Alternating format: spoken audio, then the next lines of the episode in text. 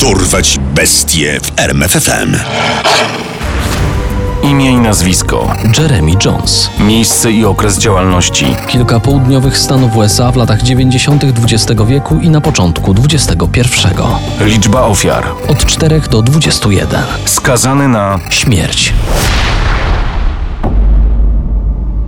11 maja 1992 roku mąż 20-letniej Jennifer Judd wrócił z pracy do ich domu w Baxter Springs w stanie Kansas. Byli świeżo upieczonym małżeństwem, raptem 10 dni po ślubie.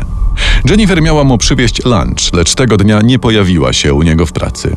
Przekraczając próg domu, zobaczył klucze na podłodze salonu. Idąc dalej, zajrzał do kuchni. Wtedy pękło mu serce. Na podłodze znalazł swoją żonę leżącą w kałuży krwi. Kochanie! Nie!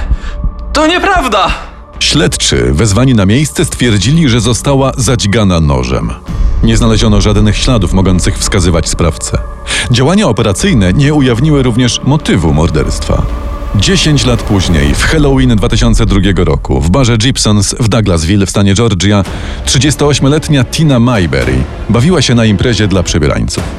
Po pewnym czasie wyszła na zewnątrz zaczerpnąć powietrza. Chwilę później uczestnicy zabawy zamarli. Tina wróciła na salę zataczając się cała we krwi sączącej się z ran kłutych. Próby pomocy na nic się zdały. Niedługo później przebrana za komiksową postać Betty Boop kobieta zmarła. Policja nie znalazła sprawcy ani nie dotarła do motywu zbrodni. Marzec 2003 roku. Trwają poszukiwania zaginionej szesnastolatki, Amandy Greenwell. Po miesiącu intensywnych działań znaleziono jej ciało. Było w stanie daleko posuniętego rozkładu, ale sekcja zwłok wykazała, że miała złamany kark i liczne rany zadane ostrym narzędziem, prawdopodobnie nożem. I w jej przypadku śledztwo nie dało żadnych efektów. No, kolejna dziewczyna, która szukała przygód i trafiła na niewłaściwego faceta. Być może, ale nie mamy żadnych poszlak wskazujących choćby krąg podejrzanych. 15 kwietnia 2004 roku. Kosmetyczka Patrice Enders znika ze swojego salonu piękności. Klientka umówiona na spotkanie zastaje otwarty lokal, torebkę, klucze i inne rzeczy Patrice, a także jej samochód zaparkowany na swoim miejscu. Po niej natomiast nie ma śladu. Jej mąż Rob podejmuje działania na własną rękę. Rozwiesza plakaty, gromadzi pieniądze na nagrodę za wskazówki, to jednak nie przynosi żadnych efektów. Tak, widziałam jak tego dnia Patrice wsiadała do białego vana zaparkowanego pod salonem. Zaznała jedna z klientek Enders. 28 czerwca 2004 roku w Wright City w stanie Missouri przechodnie znajdują na poboczu drogi stanowej nr 70 rozkładający się damski tors. Śledczy ustalają, że należy do młodej prostytutki. Świadkowie zeznają, że widzieli w tej okolicy białego vana, prawdopodobnie należącego do służb miejskich. Finalnie zamordowana kobieta nie zostaje zidentyfikowana i pochowano ją w anonimowym grobie. 18 września członkowie rodziny Lizzie Nichols z Turnerville w stanie Alabama znajdują ciało w łazience.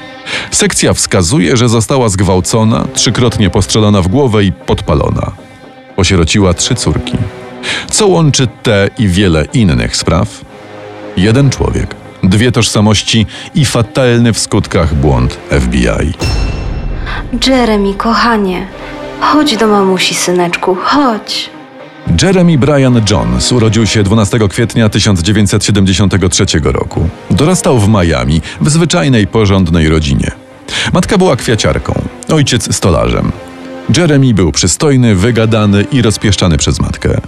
Jego pierwsze problemy ujawniły się w szkole średniej. Miał trudności z zachowaniem dyscypliny, był brutalny wobec kolegów. Potrafił rzucić się na matkę chłopca, która przyszła bronić go przed agresją Jonesa.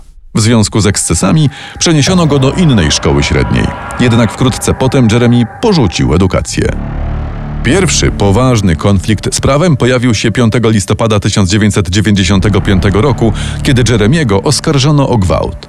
Następny zarzut z tego samego paragrafu otrzymał 10 stycznia 1996 roku wraz z oskarżeniem o posiadanie metamfetaminy.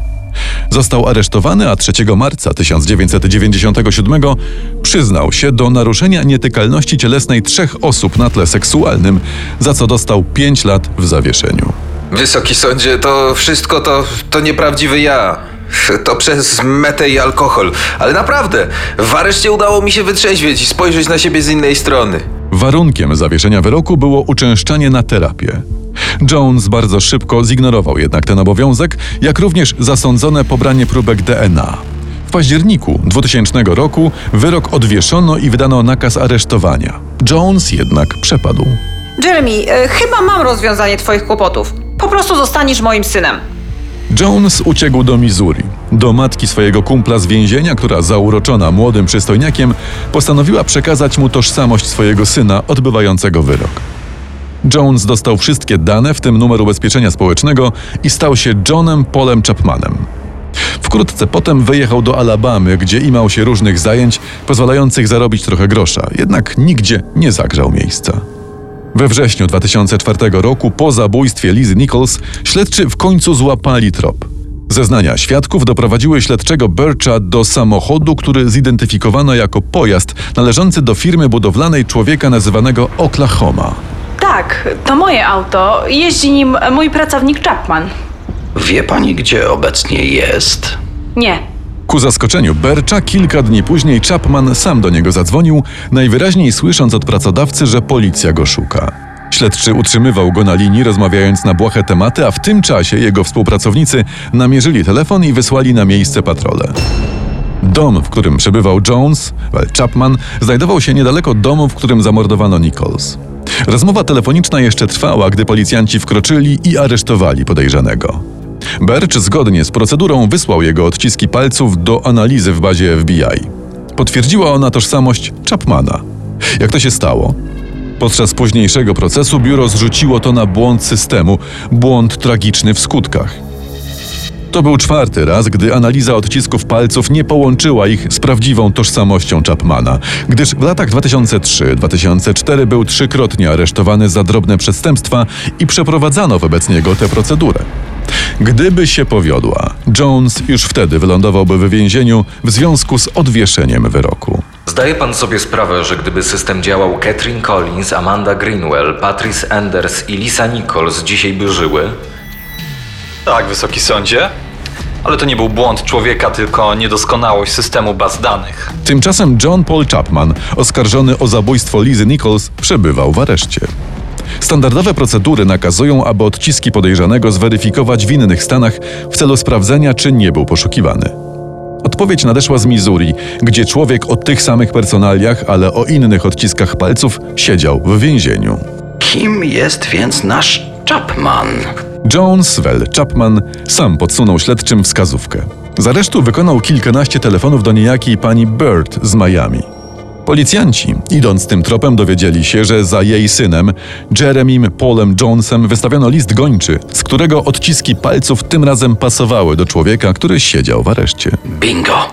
W oczekiwaniu na proces w sprawie Nichols, Jones był wielokrotnie mozolnie przesłuchiwany przez policję. Przyznał się w międzyczasie do zabicia ośmiu kobiet, opisując ze szczegółami swoje zbrodnie. Zdanie zmieniał tylko w obecności swojej matki i dziewczyny. Wówczas nie przyznawał się do niczego. Im dłużej trwały przesłuchania, tym więcej ofiar wychodziło na jaw. Finalnie opisał ze szczegółami 21 zabójstw w pięciu stanach, rysując nawet szczegółowe mapy miejsc zbrodni i porzucania ciał.